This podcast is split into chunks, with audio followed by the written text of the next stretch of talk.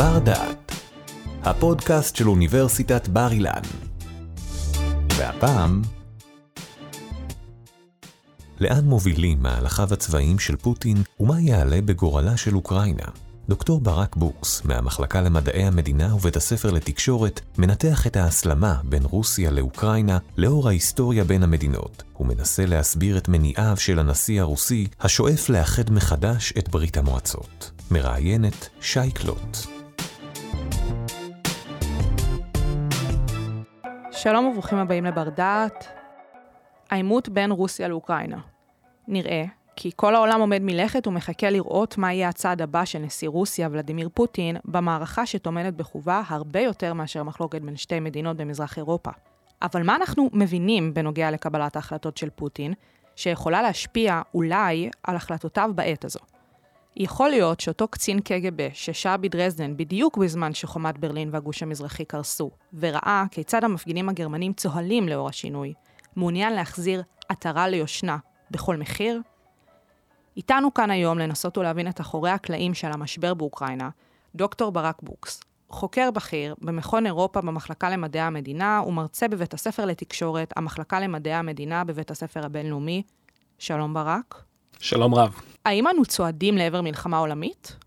קודם כל, לא צריך לפחד. זהו, להוריד פאניקה. להוריד פאניקה. חלק ממה שנקרא דיסאינפורמציה שאנחנו נדבר עליו אה, בהמשך הפודקאסט, הוא כל ה-head games או המשחקים שיש בתקשורת, המסרים הסותרים. והיום אנחנו מקליטים את זה בתאריך שהוא תאריך עגול, ה-22 לשני, 22. והמון המון המון אה, דיסאינפורמציה ומעין מסרים סותרים, שהנה היום תהיה מלחמה, מחר תהיה מלחמה.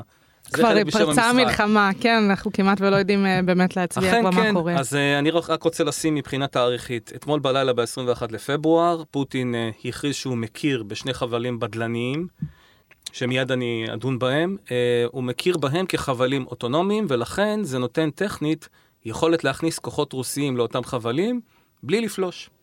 שימי לב לטקטיקה הקטנה. כלומר, אני לא צריך להכריז על מלחמה, אני בא לעזור לחבלים האלה, והופ, אני בתוך אוקראינה.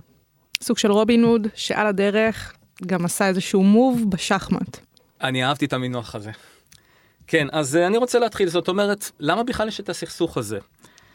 אז קודם כל, אפשר להגיד שההרס של שתי התרבויות האלה אה, התחיל בשנת 988 אחרי הספירה, שאני עכשיו אסתבך עם כמה שמות. ולדימיר הראשון, הנסיך הפגאני של נובגרוד והנסיך הגדול של קייב, קיבל את הדת האורתודוקסית שהיא הדת הרוסית. הוא הוטבל בעיר שנקראת שרסונס, שבחצי האי קרים. קרים הוא גם uh, חצי אי שהיה חלק מהסכסוך, ואנחנו נדבר עליו ב-2014. במקרה הזה, זה נגמר לטובת רוסיה. אם זה נותן לנו איזה קדימון למה שעתיד להיות עם אוקראינה.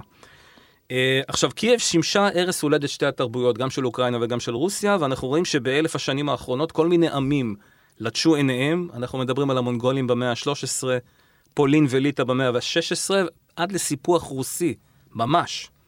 אה, של אה, מערב אוקראינה ב-1793. עכשיו, אנחנו לא צריכים להתעמק בכל ההיסטוריה, אבל זה נותן לנו קצת רקע מה הולך פה. אני קופץ קדימה לימי המלחמה הקרה, שהיא באמת, אה, הרבה הרבה מומחים אומרים, האם אנחנו חווים שוב את המלחמה הקרה של ברית המועצות כנגד... המערב. המערב. כי זה באמת מרגיש ככה, כי נכון לעכשיו, אלו הכוחות, יש לנו את פוטין מצד אחד, ומצד שני יש לנו באמת את ביידן, אבי האומה המערבית החופשית, ארצות הברית, ולא רק הוא, אנחנו רואים גם את אה, בוריס ג'ונסון שחובר אליו אה, בחלק מההתבטאויות וההצהרות. וכן, במובן מסוים זה ממש נראה. כאילו זה הולך לשם, אותה אה, מלחמה קרה שליוותה אותנו אה, לאורך מחצית אה, המאה ה-20.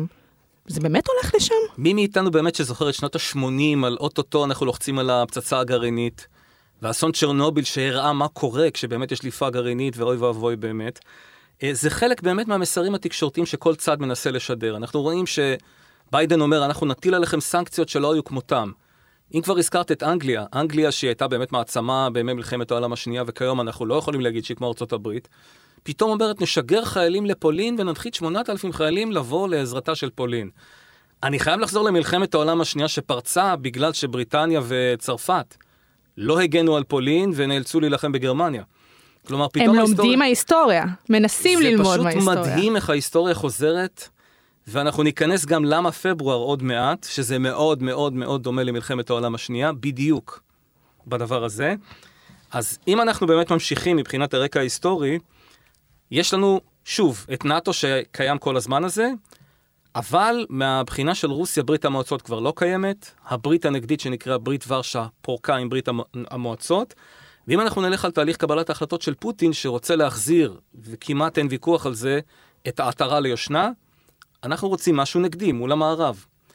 עכשיו, מה זה משהו נגדי? אוקראינה גובלת ברוסיה, ולכן כל צירוף לנאט"ו או לאיחוד האירופאי, משמעו שהמערב הוא על הגדר של הגבול ממש של רוסיה. ממש מתדפק על דלתו של פוטין. ופוטין אומר, איפה הימים באמת של ברית ורשה, שאני הגעתי עד מזרח גרמניה, ואנחנו החזקנו מדינות שהן אה, בנות ברית שלנו, פתאום אין כלום. המערב סוגר לנו מכל מקום. זה לשיטתו אגב. עכשיו, קרים יכול להיות באמת דוגמה למה קרה במשבר דומה לפני שבע שנים ואיך זה הסתיים. מה שקרה באמת בקרים, היו הפגנות של פרו-רוסים וכל מיני קבוצות uh, של uh, אנשים עם מסכות שנשאו נשק.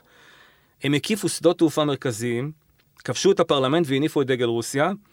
פוטין קירב כוחות כדי לשמור על השלום. כמה הביטויים האלה חוזרים על עצמם? לשמור על השלום ולשמור על הסדר ולעזור. ומה שקרה זה שבשישי למרץ ב-2014, הפרלמנט של קרים הצביע על היפרדות מאוקראינה, קבע משאל עם, ומאז הוא חלק מרוסיה. אני רוצה להגיד משהו על הבדלנים באוקראינה. קפצתי קדימה. הניו יורק טיימס פרסם כתבה ב-20 לפברואר לפני יומיים, אודות סיפור אישי של uh, אדם בשם גלב יגורוב, שהוא בן 17, שהוא מתאר את החוויה שלו, באנגלית זה נקרא eye-witness, מה אני חוויתי. הבדלנים הם למעשה שתי מובלעות, לוהנסק ודיונייצק. והכתבה הביאה את הסיפור האישי שלו, הוא פשוט ברח חצי מייל באזור החיץ, הוא ברח ממובלעת בדלנית שנקראת הרפובליקה העממית של לוהנסק. מעניין שגם החבל הבדלני השני נקרא People's Republic, הרפובליקה העממית. תמיד כשיש את התוספת של רפובליקה עממית, אנחנו יודעים שזה... זה קונוטציה של ברית כן. המועצות והימים האלה מאוד מאוד מאוד חזרה לפעם. וגם סין. אכן. אני לא רוצה פה להכניס את סין, כי אנחנו לא נצא מכאן. לא, לא. מה שכן אני רוצה לומר, שהכתב של הניו יורק טיימס סיפר על החוויה האישית, ואותו נער שברח מהחבל הבדלני אומר שהוא עונה במשך שמונה שעות. ממש הוא עבר חוויה, הוא אמר, אני לא חוזר לשם. מה כן אותו כתב אומר, והניו יורק טיימס הוא עיתון די חשוב, שאף אחד לא התייחס למובלעות האלה כל הזמן הזה, הם היו משהו מוזר.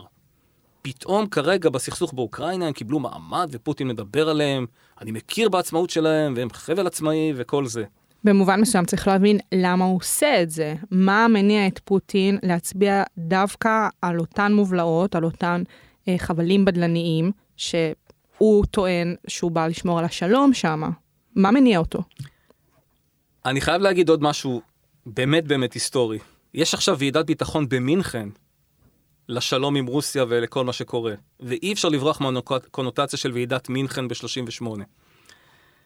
עכשיו, למה אני באמת הלכתי לדוגמה הזאת? כי כאשר פוטין מכיר בעצמאות של שני החבלים, שתי המובלעות הבדלניות האלה, שהן פרו-רוסיות, הוא יכול, והוא אמר את זה גם, אני רוצה לשמור על ביטחונם של האזרחים ואני רוצה לעזור להם. הוא משנה הכוחות לשם, ונכון לאתמול בלילה, 21 בפברואר, ברשתות היו סרטים של ממש כוחות נעים לשם. וזה לא פלישה. והנה, הופ, אני בתוך אוקראינה. כלומר, השיטה כאן היא באמת לא לעשות קרקס של פלשתי ואנחנו בתוך מלחמה והכול, אלא פשוט פתאום מצאנו את עצמנו עם כוחות רוסיים בתוך חלקים מאוקראינה. סוג של מסגור מחדש של הפעולות שלו. ועכשיו אני הולך לצ'כוסלובקיה שהיא הייתה במרכז ועידת מינכן ב-38. צ'כוסלובקיה ביצרה טוב טוב את הגבול שלה כנגד פלישה גרמנית, אבל מעבר לצד המבוצר היה חבל הסודטים, שהוא היה חבל גרמני, והיטלר אמר, אני רוצה רק uh, להוסיף את אותם גרמנים לרייך. מהרגע שוועידת מינכן נתנה לו את זה, כשהוא רצה לפלוש לתוך צ'כוסלובקיה עצמה, שימו לב, בדיוק באותו סיפור, לא היה גבול מבוצר או צבא שיכול היה לעצור בו. אז אם אנחנו נלך קדימה בהשוואה ההיסטורית, אם פוטין ירצה להמשיך מהחבלים הבדלניים, שהם מעבר לגבול שבו מרוכזים כוחות, אה, לאוקראינה באמת יהיה קשה להגן על המדינה מתוך החלק הפנימי שלה. והנה פוטין מגיע, ניצב בסיטואציה הקיימת היום, מסתכל אחורה, אתה באמת נותן כאן המון המון דוגמאות, אם זה ועידת מינכן ב-38 אה, והטקטיקות של הנאצים, אה, ואם זה באמת אה, איכשהו מסתכל על אה, החבלים הבדלניים ומחליט לבוא ולהושיע אותם, אה, ובאמת אה, לבוא ולעשות שם שלום. מה מוביל אותו כאן בקבלת ההחלטות שלו, והאם יש סיכוי שהוא באמת יצליח? אני רוצה קודם כל לתאר מצב uh, רגיל של קבלת החלטות במדינה מתוקנת ובנויה טוב. יש uh, בראש המדינה נשיא, ראש ממשלה, מה שלא יהיה, יש משברים, אז הוא מכנס או מועצה לביטחון לאומי, או גוף מייעץ. שרים, גוף מייעץ. ובגוף הזה יש משקל שווה גם לחברים, נציגי הצבא, נציגי מערכת הביטחון, ראשי הצבא וכדומה, הם דנים ובוחנים חלופות, מה שנקרא. זה מה שנקרא קבלת החלטות רציונלית. מה כדאי לי, מה לא כדאי לי, אם אני אלך בדרך אחת, האם יהיה לי סנקציות, האם אני אכשל. לפעמים אפילו שמים באותן ועדות וגופים מייעצים אנשים שחושבים ממש שונה מאיתנו, כדי שיבואו ואיכשהו יערערו את הביטחון שלנו, בכדי לבחור בדרך הטובה ביותר לסיטואציה. וכאן אנחנו מגיעים לענייניות ועבודה יעילה. עכשיו אני שובר לרוסיה. יש לנו כאן נשיא שמה שהוא אומר, על פיו יישק דבר. וכשאני הולך על קבלת החלטות לא רציונלית, זאת אומרת שהמנהיג, יש לו כוח אבסולוטי, והוא פועל לא על פי חישובים כלכליים של רווח והפסד, אלא על פי זיכרונות, אמונות וההיסטוריה שלו. ואנחנו חוזרים לתחילת הפודקאסט, אדם שחונך בברית המועצות, בקג"ב, שחזה בקריסת ברית המועצות, אומר אנחנו יכולים להיות יותר מזה, ואנחנו נהיה. זה מה שמוביל את פוטין במובן מסוים, אנחנו לא יודעים את זה בוודאות, זאת אומרת, הוא לא בא ואומר זה מה שמוביל אותי, אנחנו ממש קוראים את זה מהפעולות שלו, והיו כבר פעולות בעבר שפוטין עשה שיכולות ללמד אותנו שאלו באמת הכוונות שלו, נכון? המערכה מול אוקראינה זאת לא המערכה הראשונה שפוטין מעורב במובנים האלה. אני רוצה להתייחס לזרימת המידע בתקשורת שהיא כל כך רבה, ששכחנו שבינואר, לפני חודש, היה ניסיון הפיכה באזרבייג'אן עם uh, חמושים, שהציתו סמלי שלטון, השתלטו שם על שדה התעופה. היו דיווחים אפילו על כריתת ראשי אנשי ביטחון, ומצד אנשי הביטחון ירי באש חיל על מפגינים. ופוטין לפני חודש וחצי שינה כוחות לאזרבייג'אן כדי לתמוך בשלטון. עכשיו אף אחד לא מדבר על זה, פתאום הכל נעלם. אבל אני רוצה לציין דבר אחד, הזירות האלה לא נעלמו. יש לנו בזווית הישראלית גם את סוריה, שבה יש נוכחות רוסית. ופוטין, לשיטתו, להערכתי, ירצה להראות, אמנם אני משנה הרבה כוחות לאוקראינה, אבל זה לא אומר ששכחתי את אזרבייג'אן, ואל תנסו אותי בסוריה, אני גם שם. יש איזושהי משמעות למועד בשנה, לזה שאנחנו נמצאים עכשיו אה, בחודש פברואר, שדווקא עכשיו המערכה הזאת מתרחשת, משהו שהצית את פוטין? בברית המועצות וברוסיה לומדים ודנים רבות על המלחמה הגדולה, מלחמת העולם השנייה, המלחמה הפטריוטית הגדולה. הנשקים העיקריים שגנרל ז'וקו, מפקד הצבא, אמר, לנו יש שני נשקים עיקריים, גנרל ינואר וגנרל פברואר, שבו האדמה קפואה. בסוף פברואר, שלג נמס, הכל נהיה בוצי באוקראינה, וכל חיל השריון והרכבים המשוריינים של אה, פוטין ישקעו בבוץ. אנחנו כיום ב-22 לפברואר, כלומר, אם רוצים להתחיל מלחמה, זה עכשיו, או לחכות כמה חודשים עד האביב. בסופו של יום אנחנו מדברים כאן על פתיחה של מערכה, מערכה צבאית, מערכה ביטחונית, ובכל מערכה כזאת יש לנו את האנשים שנלחמים בה, את אותו בניין כוח, מה קורה כאן מהבחינה הזאת אה, של רוסיה אל מול אוקראינה, וגם איך זה קשור לנאטו? קודם כל, נכון לימים האחרונים, רוסיה כינסה כמות של 150 אלף חיילים. כדי להתמודד עם כמות כזאת, נאט"ו צריך לשנע כוחות של נאט"ו, כלומר, המדינות אה, המערביות שמרכיבות אותו, למדינות שהן בעלות בריתו, כמו למשל פולין, אולי להיעזר אוקראינה אמנם היא לא חברה בנאטו, אבל יש את הצבא האוקראיני. וכדי לעמוד מול פוטין צריך להקים מערך צבאי שיהיה קרוב, אם לא ל-150 אלף חיילים, לפחות מעל 100 אלף. אבל העניין הוא שאי אפשר לקמבן ולהגיד, יש לי עשרת אלפים חיילים פולנים, ו-40 אלף אוקראינים, ו-20 אלף אמריקאים, ו-6 אלפים אה, חיילים בריטים שאנגליה הציעה להצניח בפולין, זה לא עובד ככה. כלומר, נאט"ו והמערב צריכים לקחת את אותם כוחות, לאמן אותם, לארגן אותם, לתאם אותם, וכל הדבר הזה לוקח זמן. זאת אומרת, פוטין במובן מסוים תופס אותם עם המכנסיים למטה? אני לא אומר את זה, אבל פוטין יותר מאורגן, כי הצבא שלו אורגני, מאומן. לא ציינו, אגב, שהיו שני אימונים עכשיו בחודשים האחרונים, כלומר, הצבא כבר בא אחרי אימונים. אני לא ראיתי אימון של נאט"ו ולא ראיתי אימון של כל הכוחות הספורדיים האלה. צבא אוקראינה כן מתאמן, אבל צבא אוקראינה לבדו הוא לא בכמות של צבא רוסיה.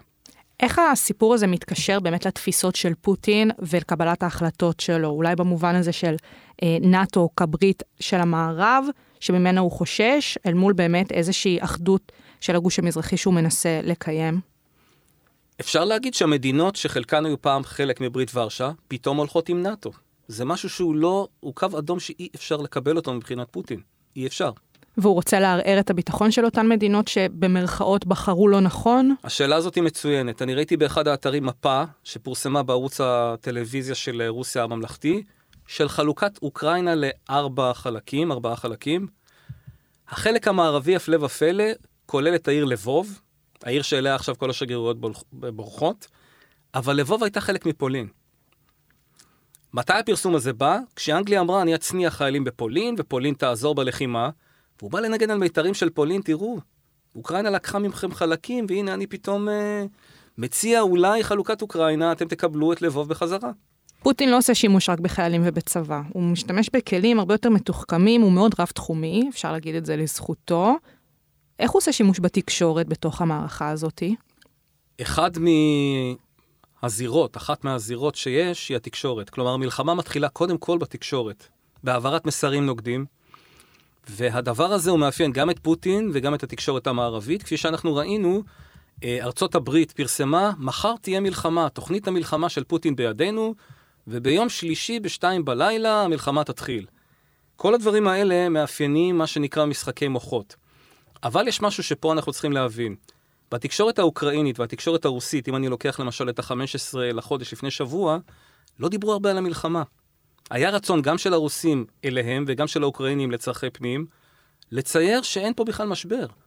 כלומר, יצא מצב שאנחנו בישראל היינו יותר מתוחים מהמשבר מאשר האוקראינים עצמם. למה? למה זה נוצר ככה? כי לכל שלטון יש רצון להראות שהוא בשליטה, שאין פאניקה, שהכל מאורגן, הדברים לא גרועים כמו שחושבים. וברגע שאני מצייר משבר ופאניקה, זאת אומרת שאני השליט, לא שולט במדינה, לא יודע מה קורה. האירועים תופסים אותי לא מוכן. גם כשכלפי חוץ באמת השיח היה שונה, זאת אומרת, האזרחים האוקראינים יכלו לראות שברשתות אה, מחוץ למדינה מדברים באמת אה, בכיוון של מלחמה אל מול רוסיה. נכון, אבל פה נדבר דווקא על ישראל. המון דוגמאות עלו שכשהיינו במבצע צבאי, אז אנשים בחוץ לארץ ראו תקריות או מבצעים צבאיים כאוי ואבוי המדינה בחורבן, ואנחנו בארץ חווינו את זה, אבל לא בכמות ובעוצמה שזה הצטייר בחוץ. כי יש אינטרס לתקשורת הבינלאומית גם uh, לתת סקופים ולהעצים תופעות כדי לשדר אותן. תקשורת, מלחמה במסגרת בניין כוח, אבל יש עוד תחום אחד, התחום החדש, גם התחום שבישראל אנחנו מאוד אוהבים לדבר עליו בשנים האחרונות, כי באמת uh, תחום מאוד פגיע, שיכול להיות Game Changer רציני, תחום הסייבר. ופוטין כרגע יודע ומשכיל לעשות בו שימוש, על חלקם, חלק מהשימושים שהוא עושה, אנחנו באמת יודעים להצביע ולהעיד שהוא עשה בהם שימוש, וחלק לא בדיוק. אז מה אנחנו יודעים על הפעלת אמצעי סייבר מצד רוסיה ופוטין במערכה הזאתי, ובכלל אולי דברים קודמים לכך שיכולים אה, לחזות מה הולך לקרות במערכה מול אוקראינה? שאלה מצוינת. המלחמה למעשה התחילה בהתקפת סייבר, כשבמהלך פברואר אנחנו כרגע יודעים על התקפה ועוד לא יודעים מאיפה היא באה. אה, אז קודם כל, ארצות הברית האשימה את רוסיה כחלק מהמלחמה התקשורתית, שהיא תקפה את אוקראינה.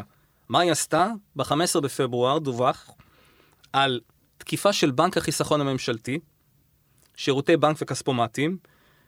בנק בשם פרייבט בנק, הלקוחות שלו קיבלו הודעת SMS או הודעה כלשהי על זה שמכשירי הכספומט לא יעבדו, ואוקראינה הכחישה את זה.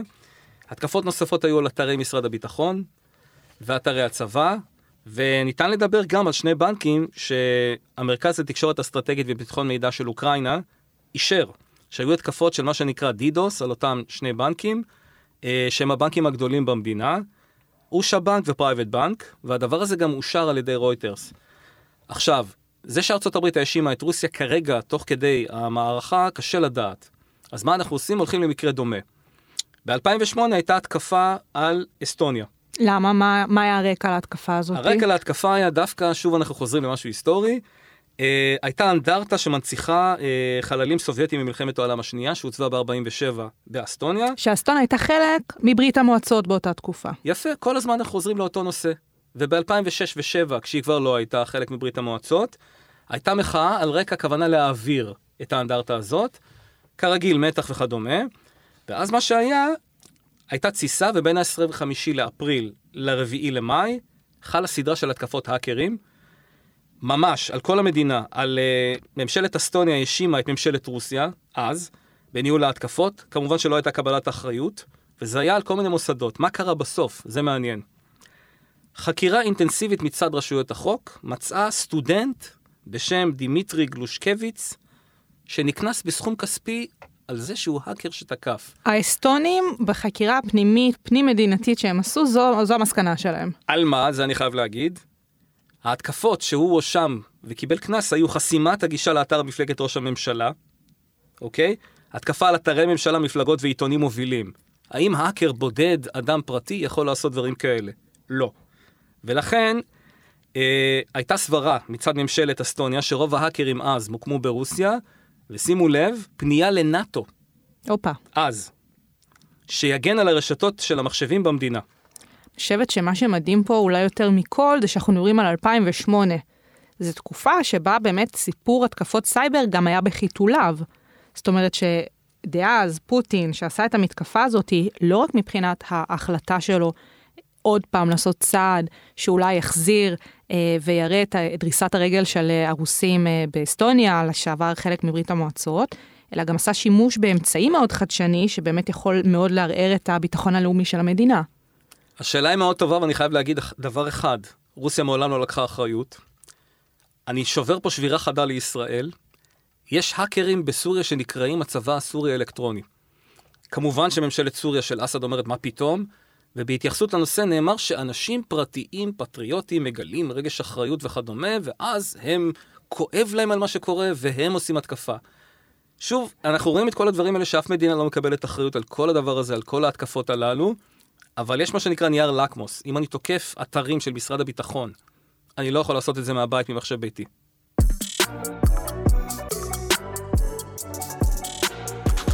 ברק, לאור הסקירה שעשינו, גם להבין מי זה פוטין, מה מוביל אותו בהחלטות שלו, השימושים השונים שהוא עושה באמצעים השונים שעומדים לרשותו, לאן המערכה הזאת תלך בעיניך? נאמר תמיד שמאז חורבן הבית נבואה ניתנה לשוטים. אה, לכן אני לא אתנבא, אלא אני אנסה לתת מתווה כלשהו לתהליך קבלת החלטות שאולי יכול להסביר את המצב, ואולי מי שישמע את הפודקאסט הזה בעתיד יוכל לאשר האם צדקתי או לא. אני טוען שהטכנולוגיה משתנה במהלך השנים, אבל אופן החשיבה של האדם לא. כלומר, אם נלך על ימי האדם הקדמון שנעזר באבנים ובמקלות, אופן ניהול המלחמה שלו, החשיבה שלו, סימון האויבים, סימון הטריטוריות והרצון שלו להראות נוכחות בטריטוריות גובלות, לא השתנה. חלילה לי מלהשוות את פוטין ואת כל הנוכחים לאדם ההוא, אבל מה שאני מנסה להגיד זה שתהליך קבלת ההחלטות של פוטין, שצמח בברית המועצות, שצמח בקג"ב, עם כל הקווים הללו, יוביל אותו להחזיר עטרה ליושנה, כלומר, לא להרשות כקו אדום שכוחות נאט"ו יהיו במדינות גובלות לרוסיה. מהרגע שהוא הכיר אתמול בחבלים הבדלניים, אי אפשר לחזור אחורה, החבלים האלה כרגע הם חבלים עצמאיים. מה שכן אנחנו נצטרך להמתין ולחכות, האם זה יהיה כמו צ'כוסלובקיה ב-38, שמאותם חבלים משתלטים על אוקראינה, או לא. מה יכול להיות פה הסייג או המחסום? תגובת המערב. אני לא דיברתי על תגובת המערב לקרים, המערב לא הגיב למה שקרה בקרים ב-2014. אם המערב יהיה נחוש מבחינת סנקציות ותגובות שלו, אולי אפשר יהיה לעצור ולהקפיא את המצב. מה שכן, החבלים הבדלניים כבר לא יהיו חלק מאוקראינה. דוקטור ברק בוקס, המון המון תודה. תודה רבה. תודה שהאזנתם לבר דעת, אפליקציית הפודקאסטים של בר אילן. אנו מקווים שנהנתם, החכמתם ולמדתם משהו חדש. עוד הרבה פודקאסטים מעניינים מחכים לכם באפליקציה, אז המשיכו להאזין לנו. בר אילן, משפיעים על המחר, היום.